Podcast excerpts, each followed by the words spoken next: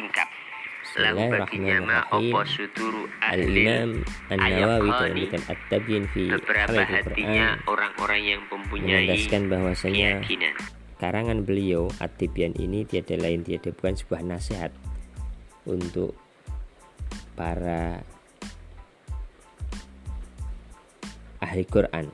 Di bagian dari nasihat lillahi ta'ala wali kitabihi itu adalah memuliakan para pembacanya memuliakan orang yang mencari yang belajar Al-Quran dan menunjukkan mereka kepada maslahah terkait dengan Al-Quran maka simaklah kajian kitab At-Tibyan sehingga kita bisa menempatkan diri adab sesuai yang dikehendaki oleh Rasulullah Shallallahu Alaihi Wasallam.